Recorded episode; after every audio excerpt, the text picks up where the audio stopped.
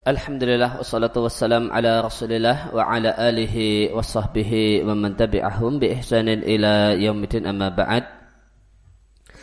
Kaum muslimin jamaah uh, Masjid Al-Asri Pakung Raja rahimani wa rahimakumullah demikian juga pendengar radio muslim. Rahimani wa rahimakumullah kembali kita lanjutkan membaca sarah wasail mufidah lil hayati sa'idah yang uh, matanya adalah karya Syekh Abdurrahman As-Sa'di rahimallahu taala. Kita sampai pada masih di bab yang atau poin yang ketujuh tentang di antara kiat hidup bahagia adalah istighal bil ilmi nafi menyibukkan diri dengan pengetahuan-pengetahuan yang manfaat. Kita sampai pada halaman 42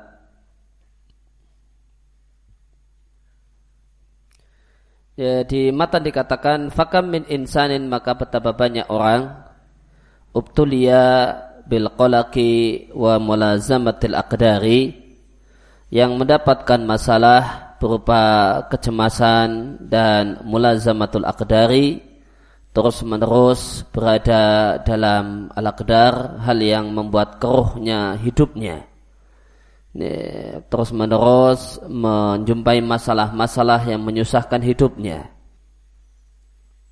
Fahalat bil al amratu al mutanawi'ah dan karena kecemasan dan problem yang silih berganti sehingga dia adalah berganti selalu dalam keadaan galau maka menimpa pada dirinya berbagai macam penyakit.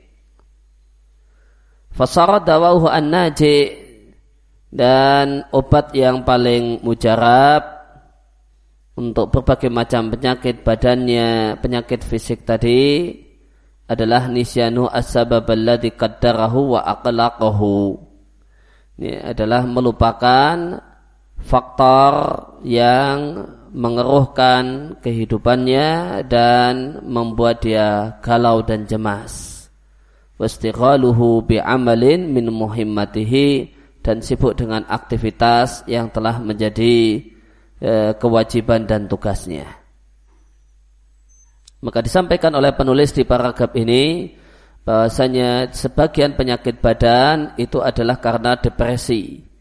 E, karena pikiran yang depresi mikirkan utang, eh, maka timbullah berbagai macam e, penyakit badan, boleh jadi uh, cairan lambung yang meningkat atau yang lain itu dan uh, itu sebabnya adalah karena pikiran yang cemas, pikiran yang kalut, yang galau, depresi karena memikirkan uh, berbagai hal yang menyusahkan.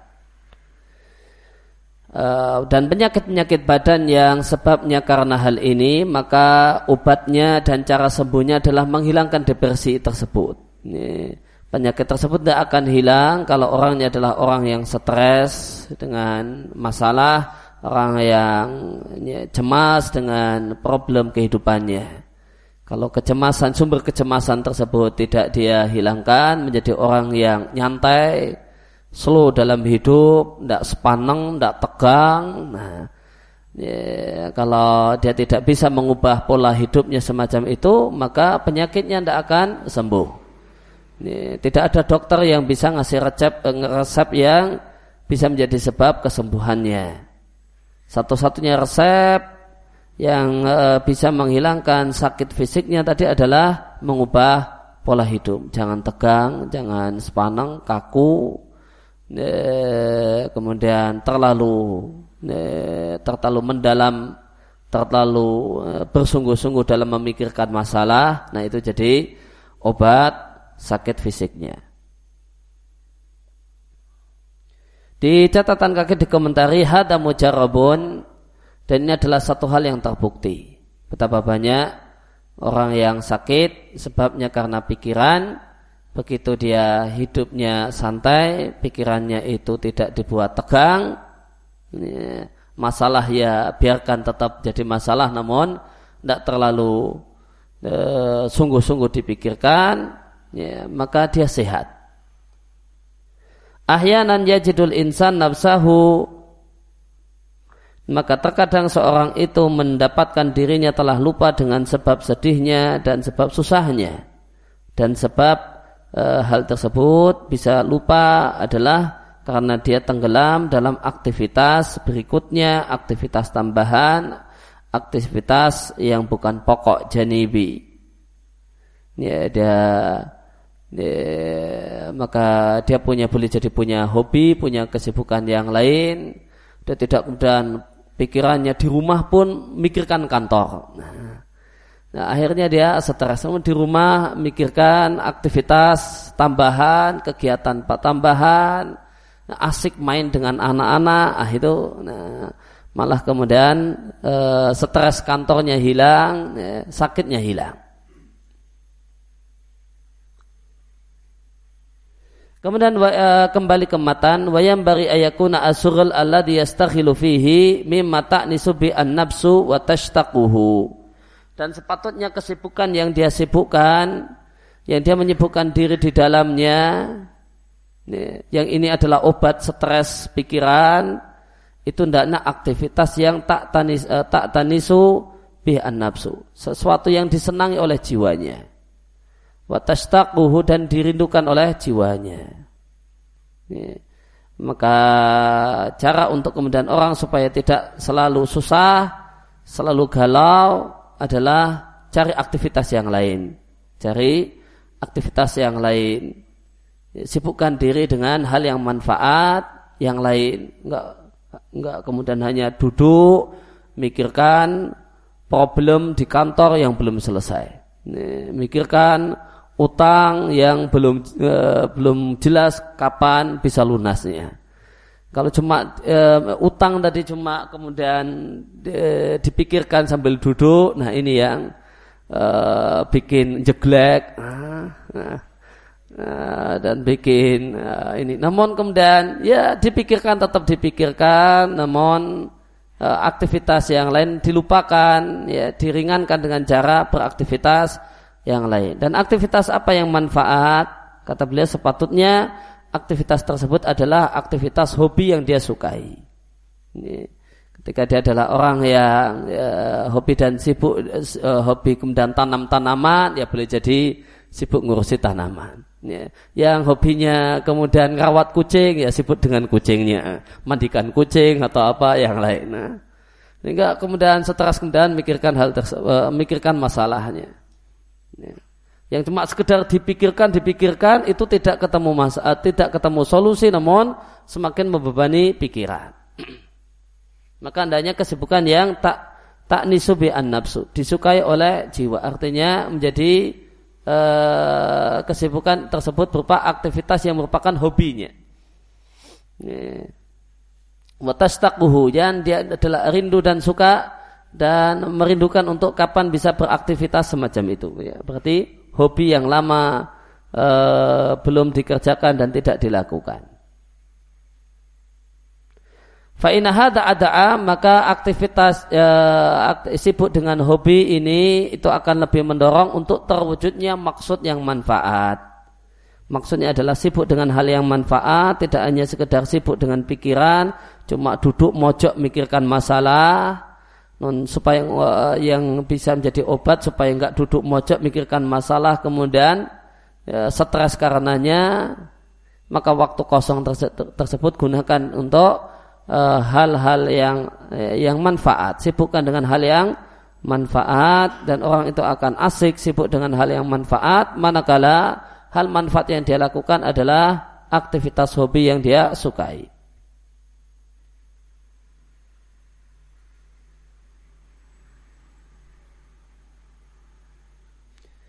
Ya di komentar di catatan kaki muka rahmat Allah ya, terlip, uh, Allah curahkan kepada penulis. Beliau menegaskan apa yang dikatakan oleh ya, peneliti barat, salah seorang peneliti barat yang mengatakan bahasanya sebuah realita yang telah diketahui, bahasanya kondisi perasaan itu memiliki peran dalam menyebabkan keletihan aksar lebih banyak daripada capeknya badan. Ketika ya, perasaan itu capek, perasaan itu ya, ya, tertekan, maka ini membuahkan letih yang lebih parah, lebih berat daripada capeknya badan. Ini. Kemudian e, peneliti barat tersebut mengatakan e, beberapa tahun yang lewat e, salah seorang e, dokter filsafah menebarkan menyebarkan e, menerbitkan fi arsif ilmi nafsi tentang arsip ilmu psikologis dan menerbitkan takriran satu laporan tentang sebagian eksperimennya yadharu fihi yang nampak dari laporan tersebut kaifa ana sa'ma bagaimanakah kebosanan itu yunshi'u irhaqa. Bahasanya bosan itu akan membuahkan e, keletihan. Maka dia punya eksperimen. Eksperimennya sang e, peneliti ini akhdoa majmu'atan minat maka dia menggunakan memanfaatkan sekelompok siswa lisil silatin tajarib.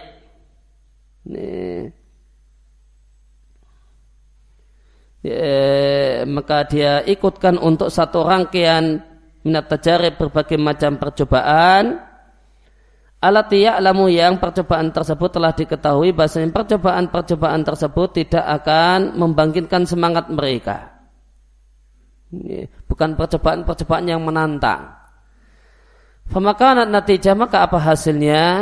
Ya, maka hasilnya para siswa ini karena bosan, ini aktivitas yang bikin bosan dan tidak menantang, akhirnya para siswa ini kemudian capek, ngantuk, bahkan mereka mengeluhkan tentang uh, sudah, mereka mengeluhkan pusing, tawatur fil uyun, iritasi mata sebagaimana mereka merasakan sempitnya hati.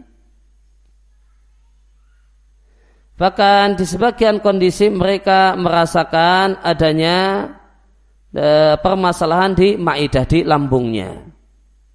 Maka apakah ini sekedar imajinasi ataukah realita? Maka sekali-kali itu bukanlah realita, bukanlah imajinasi. Diadakan fusuhat, pemeriksaan pada siswa-siswa tersebut, maka diketahuilah bahasanya tekanan darah, demikian juga konsumsi oksigen itu berkurang ketika seorang itu merasakan ya, merasa bedojar, merasa bosan.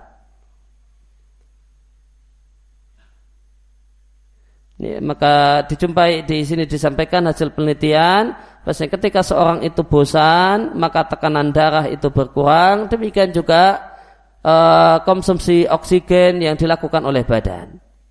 Wa anal jasada ya'utu ila tabi'atihi dan badan itu kembali normal bisuratin secara cepat. Halama ha, uh, halama yas'urul insan bil ihtimam. Manakala seorang itu eh, memiliki perhatian dengan aktivitas yang dia lakukan, dan dia menyukai aktivitas yang sedang dia kerjakan. Intaha sekian kutipan dari laporan eh, satu eksperimen atau satu penelitian di bidang ilmu psikologi. Ini.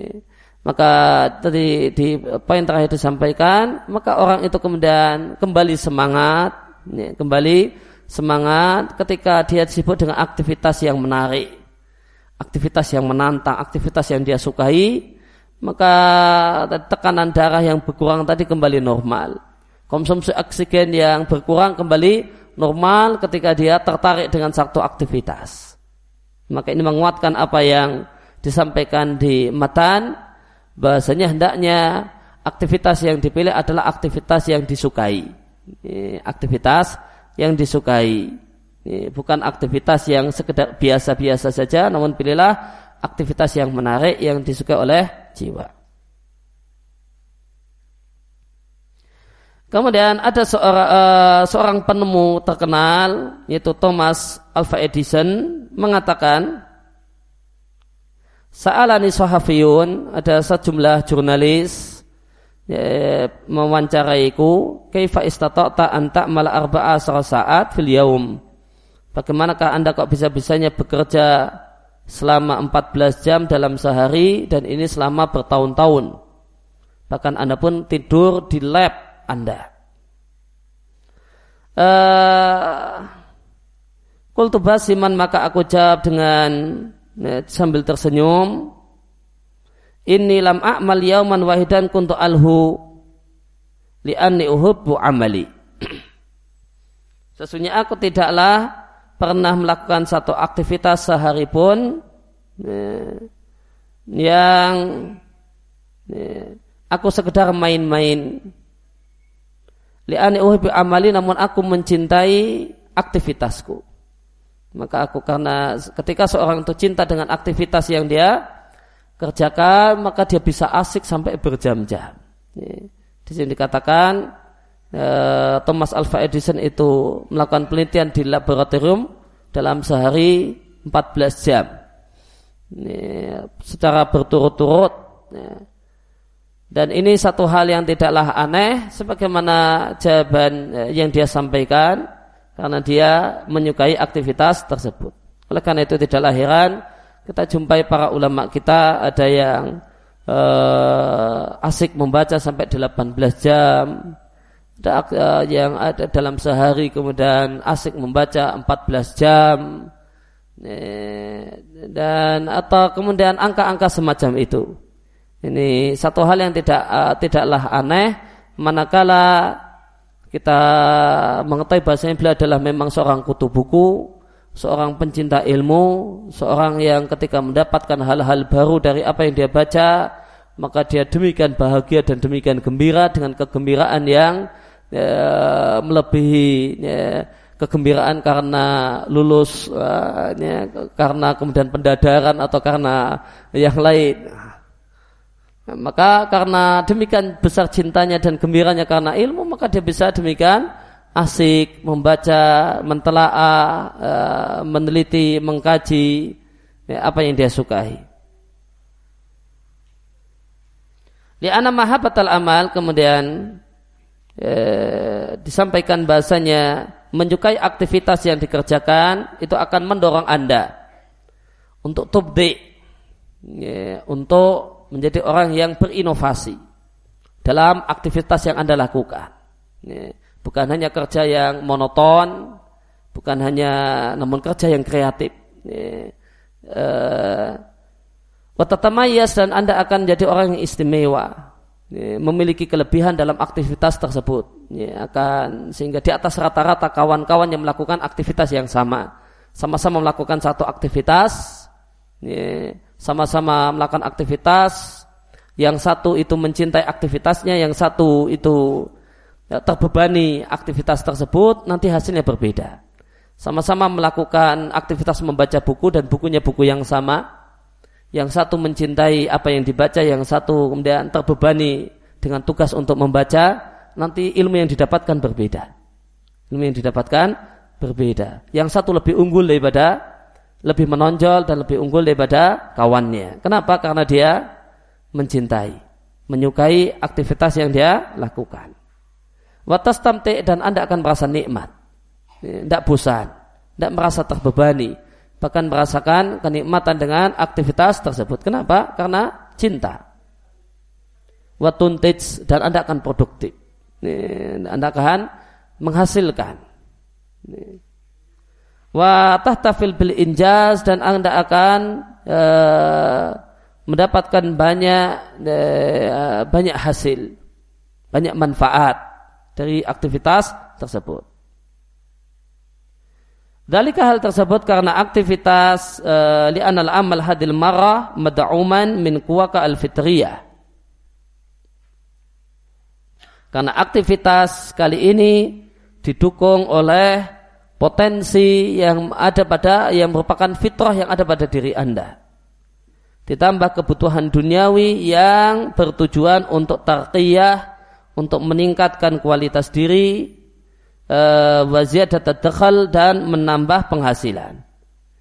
Hina mayakun al amal takni bihi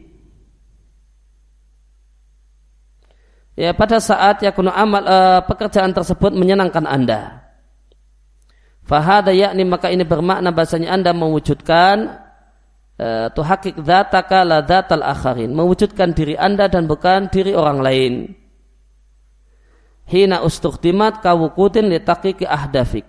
Manakala aktivitas tersebut digunakan dan memanfaatkan sebagai bahan bakar untuk mewujudkan uh, ahdafihim tujuan-tujuan mereka. Ya, maka jika aktivitas tersebut adalah pekerjaan, ya, jika amal di sini adalah pekerjaan, eh, pekerjaan dalam artian eh, kerja yang menghasilkan uang, namun itu kemudian dicintai dan disukai, maka disampaikan, ya maka kerja tersebut akan menjadi kerja yang demikian e, bermanfaat, akan demikian inovatif, akan menghasilkan dan seterusnya.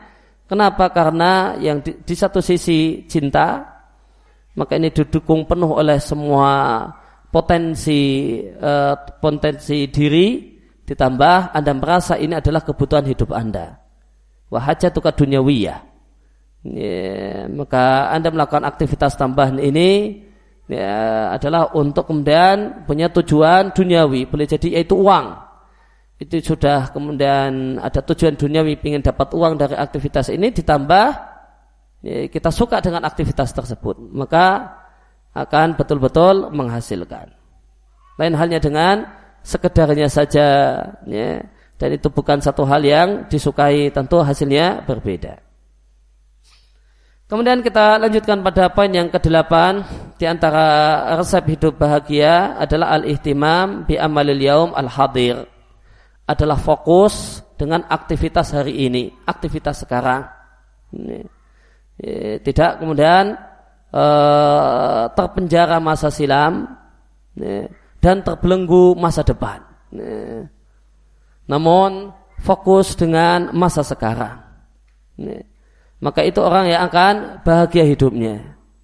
Orang yang hidupnya itu kurang bahagia manakala dia tidak fokus dengan hari ini. Dia malah fokus mikirkan masa silamnya.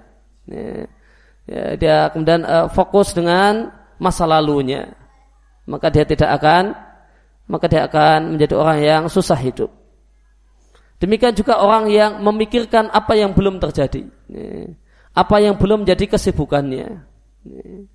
Ini ada orang yang ditugasi kesibukannya cuma belajar, dia mikirkan bagaimana besok rumah tangga saya. Dia sibuk mikirkan rumah tangga saya. Saya ingin punya anak berapa, dan saya ini apa, ini. Malah itu yang dipikirkan. Padahal ya, ya padahal dia ditugasi untuk sibuk sekolah saat ini. Nah, itu bisa dipastikan ya, cuma uh, galau saja. Nah, Cuma galau mikirkan masa depan dan dia tidak akan produktif dengan kegiatannya masa sekarang. Dia akan kemudian produktif, akan kemudian berprestasi, akan kemudian produktif dan berprestasi dan tidak kemudian eh, dan akan enjoy itu manakala dia fokus dengan apa yang menjadi aktivitasnya saat ini. Mimayat faubi alham bal qalaq. Maka di antara faktor yang bisa mengusir alham, mengusir wal qalaq, ya, kecemasan dan kegalauan adalah istima'ul fikri kullihi. Mengumpulkan pikiran seluruhnya. Seluruh pikiran itu dikumpulkan alal ihtimam untuk perhatian dan fokus bi amalil yaum al hadir. Dengan tugas, dengan aktivitas hari ini aktivitas sekarang yang perlu dan harusnya dikerjakan dan diselesaikan. Uh, wa qata'ahu anil ihtiman fil waqtil mustaqbal. Dan adalah dia potong pikirannya, hendaklah dia jauhkan pikirannya untuk perhatian dengan ya, masa depan yang belum ya, yang belum jelas, yang belum pasti dan yang belum akan dia lakukan. Demikian juga hendaklah dia jauhkan pikirannya dari hazan alal waktu madi, terbelenggu masa silam. Ya. Maka biarkan masa silam itu sekedar untuk sebagai sejarah untuk diambil ibrah, namun jangan terpenjara oleh masa silam. Ya. Terpenjara oleh kesedihan karena masa silam. Namun demikian juga jangan kemudian terlalu ketakutan dengan masa depan. Akhirnya cuma sibuk dengan ketakutan berkenaan dengan keadaannya di masa depan. Yang terjadi akhirnya kemudian yang harus dikerjakan sekarang tidak bisa maksimal. Oleh karena itu maka Nabi Shallallahu Alaihi Wasallam menuntunkan kepada kita untuk berdoa agar memohon perlindungan kepada Allah Subhanahu Wa Taala dari alham wal hazan. Dari ham terpenjara masa masa depan, kalut memikirkan masa depan yang belum terjadi, wal hazan dan terpenjara oleh masa silam. Yang disebut dengan hazan adalah sibuk memikirkan apa yang telah terjadi dan yang apa yang telah terjadi itu tidak mungkin bisa ya, dikembalikan. Karena waktu itu jika telah berjalan tidak mungkin diputar. Untuk kemudian ya, diputar, kemudian kembali ya, menemui kita. Yang berlalu telah berlalu. Wala istidrakuh dan tidak mungkin diperbaiki. Apa yang telah terjadi, ya sudah terjadi. Sedangkan alham alladhi yuhdis bisa babil khawf minal mustaqbal. Alham itu adalah penyakit psikologis yang yahdus terjadi disebabkan kekhawatiran berlebihan tentang masa depan. Maka ketika seorang itu terlindung dari dua hal ini, terpenjara oleh masa silam, dan ketakutan berlebihan dengan masa depan, maka dia akan menjadi orang yang fayakunul abadu ibna yaumihi maka dia akan menjadi orang yang fokus dengan saat ini. Maka inilah orang yang bahagia. Dan telah Nabi isyaratkan dalam doa beliau yang berlindung kepada Allah Subhanahu wa taala e, dari alham wal huzn. Ini mengisyaratkan kepada kita kiat hidup bahagia yang Nabi tuntunkan. Jangan terpenjara oleh masa silam dan jangan berlebihan ketakutan dengan masa depan. E, Jangan terkena penyakit psikologi namanya huzn yang berkenaan dengan masa silam. Jangan pula terkena penyakit psikologis berupa alham, ketakutan berlebihan tentang masa depan. Nah, jadilah anda orang yang maka yang Nabi inginkan seorang Muslim yang baik. Isyarat dari doa ini adalah orang yang fokus dengan hari ini apa yang jadi tugasnya hari ini, apa yang jadi kesibukannya, apa yang seharusnya jadi kesibukannya saat ini, maka dia fokus di situ. Maka seorang muslim itu hendaknya mengumpulkan jiddahu, jerih payahnya, dan susah payahnya untuk memperbaiki keadaan hari ini dan waktu saat ini. Fa'ina jam al qalbi karena fokusnya hati. Ini, untuk melakukan apa yang harus dilakukan saat ini yujibu takmilal a'mal akan menyebabkan sempurnanya aktivitas yang kita kerjakan. Kita akan maksimal uh, mewujudkan apa yang bisa kita wujudkan. Ketika seorang itu tugasnya belajar, tugasnya kuliah, tugasnya ya, kesibukannya adalah fokus di penelitian di laboratorium maka dia fokuskan hal tersebut dirinya dengan hal tersebut dia akan bisa maksimal ya, maksimal bisa akan mencapai maksimal apa yang bisa dia lakukan. Dan jika malah sibuk dengan hal yang belum jelas, ya, persiapan uh, uh, bekal nikah, nah ini padahal baru Padahal masih nikahnya kapan? Ya rencananya nanti umur 27 tahun. Ah, sekarang umurnya berapa? 20 tahun. Nah, ini sudah kemudian sibuk di situ. Akhirnya uh, kuliahnya juga tidak berprestasi. Ya. Kerjanya juga nah, nggak kemudian maksimal karena memang tidak fokus di situ. Pecah pikirannya, mikirkan ini dan mikirkan itu. Maka di sini tidak maksimal, di situ juga tidak berhasil. Tetapi orang yang kemudian bisa sempurna, maksimal dalam uh, dalam berkarya, dalam beraktivitas adalah orang yang fokus dengan apa yang jadi tugasnya saat ini. Waitasalabi al-abdu dan dengannya dengan fokus dengan apa yang jadi kesibukan saat ini seorang hamba itu akan terhibur dan terhindar dari alham wal huzn. Wa Nabi Shallallahu Alaihi Wasallam dan Nabi Shallallahu Alaihi Wasallam ketika beliau berdoa dengan satu doa atau mengajari umatnya untuk berdoa dengan satu doa, maka makna di balik doa ada makna di balik doa yang Nabi ajarkan dan doa yang Nabi contohkan. Makna maknanya adalah yahutsu. Nah, dengan dengan secara tidak langsung Nabi memotivasi memotivasi kita untuk mewujudkan apa yang ada dalam doa tersebut. Mal isti'anah e, diiringi dengan meminta tolong kepada Allah dan semangat untuk mendapatkan karunia Allah al jid wal istihad dengan bersungguh-sungguh dan berjerih payah. Fitahakok untuk terwujudnya lihusul mayada'u bihusulihi untuk mewujudkan apa yang Nabi dorong untuk mewujudkannya. Watakhalli dan membebaskan diri dari apa yang Nabi mendorong untuk mencegahnya. Li'anna du'a muqarinun lil amal karena doa itu bergandengan dengan aktivitas. Ya, maka ketika Nabi Shallallahu Alaihi Wasallam berdoa meminta satu hal, maka maknanya adalah Nabi Shallallahu Alaihi Wasallam memotivasi kita untuk mendapatkan hal tersebut ya, dan meminta tolong kepada Allah Subhanahu Wa Taala ya, memohon kepada Allah Subhanahu Wa Taala untuk mendapatkan hal tersebut dan diiringi dengan kita melakukan jeripayah untuk mendapatkan hal tersebut. Ketika Nabi Shallallahu Alaihi Wasallam ya, ya, mengajari kepada kita ya, satu doa tertentu, ya, maka Nabi mengajari kita untuk doa minta uh, surga kepada Allah Subhanahu Wa Taala.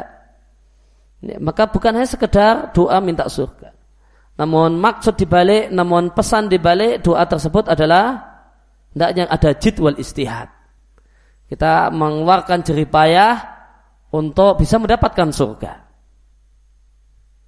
Untuk mendapatkan apa yang Nabi berdoa untuk mendapatkannya. Dan ketika Nabi berdoa kepada Allah memohon perlindungan dari satu hal, ini, maka maknanya adalah ada pesan di balik doa tersebut adalah hendaknya kita membebaskan diri bersusah payah untuk mengusir segala sesuatu ya, yang bisa uh, yang Nabi berdoa kepada uh, kepada Allah agar terhindar darinya. Maka Nabi Shallallahu Alaihi Wasallam dalam hal ini berdoa kepada Allah Subhanahu Wa Taala agar terhindar dari alham wal huzan. Maka maknanya ya, maknanya Nabi mendorong kita untuk menghindari dua hal tersebut. Jangan sampai kita menjadi orang yang terpenjara oleh masa lalu dan terlalu cemas berlebihan terhadap masa silam. Dan ada satu kalimat yang sangat indah disampaikan oleh Sayyid Musa di rahimallahu taala li'anna du'a muqarinun lil amal. Karena doa itu bergandeng dengan amal. Bergandeng dengan amal. Ya, maka doa yang serius itu setelah orang tersebut berdoa atau seiring dengan dia berdoa, dia melakukan aktivitas mewujudkan doanya. Maka ketika seorang itu uh, berdoa, ya Allah berilah aku ilmu yang manfaat. Itu maknanya bukan hanya sekedar berdoa minta ilmu yang manfaat, namun kemudian malas membaca. Nah, namun malas untuk belajar. Ya, ketika seorang itu berdoa, ya Allah berilah aku ilmu yang manfaat, itu artinya harus ada amal, harus ada aktivitas untuk mendapatkan ilmu yang manfaat. Dengan hadir di majelis ilmu, kemudian gemar membaca, kemudian ya, gemar untuk mencatat apa yang perlu dicatat dan seterusnya, mendengarkan apa yang perlu didengarkan. Ya, maka ini baru doa yang serius. Karena doa itu mukorin lil amal. Ketika seorang teman, ya Allah berilah kepadaku rezeki yang halal. Itu bukan kemudian kemudian habis berdoa cuma kedar ya, duduk santai. Ya, ya, namun ya, ketika seorang itu berdoa, ya Allah kumohon kepadamu rizki yang halal, rizki yang berkah, maka dia juga kerja. Dia keluar rumah untuk bekerja, Ya, kecuali jika pekerjaannya itu online, nah, dia nggak perlu keluar rumah. Nah, kalau offline dia perlu keluar rumah untuk uh, melakukan apa yang harus dia lakukan. Ya. Kalau kemudian sekedar ya Allah berilah aku uh, rezeki yang halal, namun setelah itu dia tidak ya, ngapa-ngapain, tidak ya, beraktivitas, malah habis itu dia cuma tidur. Maka maka ini tidak bukanlah orang yang serius berdoa. Ya, maka maka kesimpulan tentang masalah doa, maka beliau katakan inna doa muqarrinun amal. Doa itu mengandung kerja. Mengandung aktivitas. Ketika orang berdoa, ya Allah berilah aku istri yang solihah. Nah, itu tidak kemudian cuma uh, tenguk gitu saja. Namun dia berani ngelamar. Namun kalau nggak berani ngelamar, namun dia Allah berilah aku istri solihah. Namun ngelamar uh, nggak berani. Ayo dilamar. Ah, belum berani. Namun ya Allah berilah aku istri solihah. Ya kapan dapat istri? Nah, ya, maka ini tidak benar. Maka ini doa yang tidak pada tempatnya. Doa inna doa mukorinun lil amal. Ya. Doa itu bergandengan dengan kerja. Doa itu bergandengan dengan aktivitas. Ya. Doa itu mengharuskan aktivitas yang uh, uh, yang harus dilakukan. Ya. ya Allah mudahkanlah kemudian skripsiku, nah, tugas akhirku. Non nggak dikerjakan, ya. Non nggak dikerjakan. Ay, maka ini uh, ngecek Allah ini. Ya. Ini main-main. Ya. Bukan serius, bukan serius orang yang serius berdoa. Ya, demikian. Wassallallahu ala nabiyina Muhammadin wa ala alihi wa sahbihi wasallam. Alhamdulillahi rabbil alamin. Subhanaka Allahumma wa bihamdika asyhadu an la ilaha illa anta astaghfiruka wa atubu ilaik.